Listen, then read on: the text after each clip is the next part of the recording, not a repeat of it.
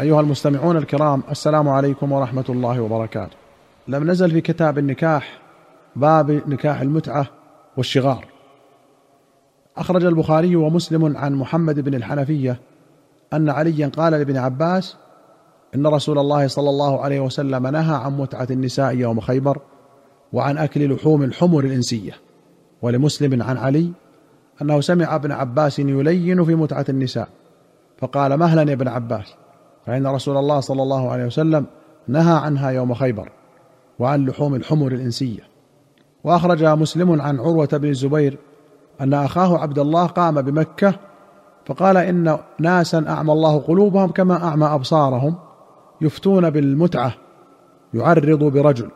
فناداه فقال إنك لجلف جاف فلعمري لقد كانت المتعة تفعل على عهد إمام المتقين. يريد به رسول الله صلى الله عليه وسلم. فقال له ابن الزبير فجرب بنفسك. والله لئن فعلتها لأرجمنك بأحجارك. قال ابن أبي عمرة كانت رخصة في أول الإسلام لمن اضطر إليها كالميتة والدم ولحم الخنزير. ثم أحكم الله الدين ونهى عنها. قوله يعرض برجل قال النووي يعرض بابن عباس. والجلف هو الجافي. والجافي غليظ الطبع قليل الفهم والعلم والأدب لبعده عن أهل ذلك. وأخرج الشيخان رحمهما الله عن ابن عمر رضي الله عنهما أن رسول الله صلى الله عليه وسلم نهى عن الشغار وهو أن يزوج الرجل ابنته أو أخته الرجل على أن يزوجه ابنه أو أخته وليس بينهما صداق. ولمسلم أن النبي صلى الله عليه وسلم قال لا شغار في الإسلام. كتاب العتق والرقيق.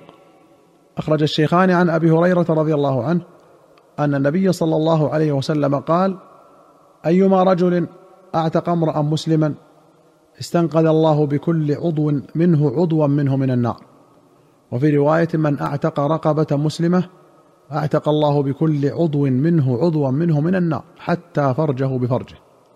وأخرج الشيخان عن الشعبي قال حدثني أبو بردة عن أبيه قال قال رسول الله صلى الله عليه وسلم ثلاثة لهم أجران. وفي رواية ثلاثة يؤتون أجرهم مرتين. رجل من أهل الكتاب آمن بنبيه وآمن بمحمد صلى الله عليه وسلم. والعبد المملوك إذا أدى حق الله وحق مواليه. ورجل كانت عنده أمة يطأها فأدبها فأحسن تأديبها وعلمها فأحسن تعليمها ثم اعتقها فتزوجها فله أجران. قال الشعبي أعطيناكها بغير شيء وقد كان يركب فيما دونها إلى المدينة. وأخرج الشيخان عن أبي ذر رضي الله عنه قال قلت يا رسول الله أي الرقاب أفضل؟ قال أغلاها ثمنا وأنفسها عند أهلها. سيأتي الحديث بطوله إن شاء الله في باب الصبر وكف الأذى. وأخرج الشيخان رحمهما الله عن أبي هريرة رضي الله عنه أن النبي صلى الله عليه وسلم قال من أعتق شقصا من مملوك فعليه خلاصه في ماله. فإن لم يكن له مال قوم المملوك قيمة عدل ثم استسعي غير مشقوق عليه. وفي رواية ثم يستسعى في نصيب الذي لم يعتق غير مشقوق عليه. نقل ابن حجر عن غير واحد أن ذكر الاستسعاء ليس من قول النبي صلى الله عليه وسلم وإنما هو من قول قتادة. والشقص هو النصيب قليلا كان أو كثيرا. وقوله استسعي أي ألزم العبد بالعمل ليكسب قيمة نصيب الشريك الآخر فيفك بقية رقبته من الرق. وأخرج البخاري ومسلم عن ابن عمر رضي الله عنهما أن رسول الله صلى الله عليه وسلم قال من أعتق عبدا بينه وبين آخر قوم عليه في ماله قيمة عدل لا وكس ولا شطط ثم عتق عليه في ماله إن كان موسرا وفي رواية من أعتق عبدا بين اثنين فإن كان موسرا قوم عليه ثم يعتق وفي أخرى من أعتق شركا له في عبد فكان له مال يبلغ ثمن العبد قوم العبد عليه قيمة عدل فأعطى شركاءه حصصهم وعتق عليه العبد والا فقد عتق منه ما عتق. وفي أخرى عن ابن عمر أنه كان يفتي في العبد أو الأمة يكون بين شركاء فيعتق أحدهم نصيبه منه يقول قد وجب عليه عتقه كله يقوم عليه من ماله قيمة العدل ويدفع إلى الشركاء أنصباؤهم ويخلى سبيل المعتق. يخبر بذلك ابن عمر عن النبي صلى الله عليه وسلم. قوله لا وكس ولا شطط أي لا نقصان ولا مجاوزة للحد. والموسر هو الذي له مال والشرك القسم وجمعه أشراك كقسم وأقسام.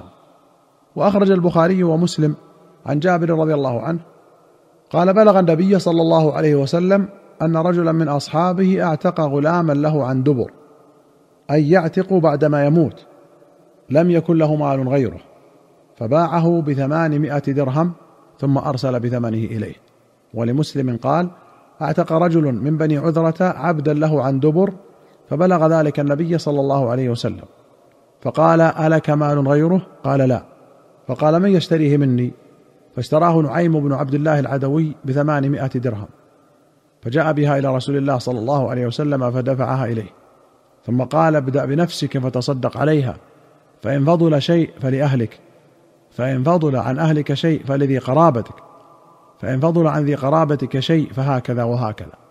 يقول فبين يديك وعن يمينك وعن شمالك.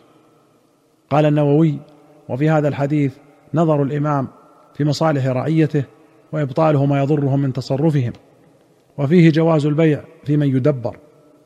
وأخرج مالك والبيهقي في السنن والبغوي بسند صحيح عن ابن عمر أن عمر بن الخطاب قال أيما وليدة ولدت من سيدها فإنه لا يبيعها ولا يهبها ولا يورثها وهو يستمتع بها فإذا مات فهي حرة.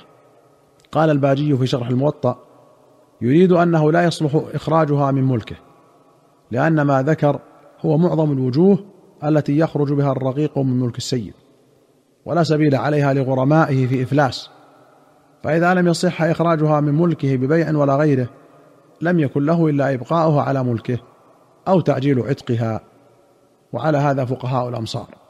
وأخرج أحمد وابن ماجة وأبو داود والنسائي وابن حبان والدار قطني والحاكم والبيهقي في السنن بسند صحيح عن جابر بن عبد الله رضي الله عنهما قال إنا كنا نبيع سرارينا أمهات أولادنا والنبي صلى الله عليه وسلم فينا حي. لا يرى بذلك باسا. وفي رواية قال بعنا أمهات الأولاد على عهد رسول الله صلى الله عليه وسلم وأبي بكر. فلما كان عمر نهانا فانتهينا. قال في المرقاه قال التوربشتي يحتمل أن النسخ لم يبلغ العموم في عهد الرسالة. ويحتمل أن بيعهم في زمان النبي صلى الله عليه وسلم كان قبل النسخ. وهذا أولى التأويلين. وأما بيعهم بخلافه أبي بكر فلعل ذلك كان في قضية فرد. فلم يعلم به أبو بكر ولا من كان عنده علم بذلك. فحسب جابر أن الناس كانوا على تجويزه فحدث ما تقرر عنده في أول الأمر. فلما اشتهر نسخه في زمان عمر عاد إلى قول الجماعة. يدل عليه قوله فلما كان عمر نهانا عنه فانتهينا وقوله هذا من أقوى الدلائل على بطلان بيع أمهات الأولاد. وذلك أن الصحابة لو لم يعلموا أن الحق مع عمر لم يتابعوه عليه ولم يسكتوا عنه أيضا.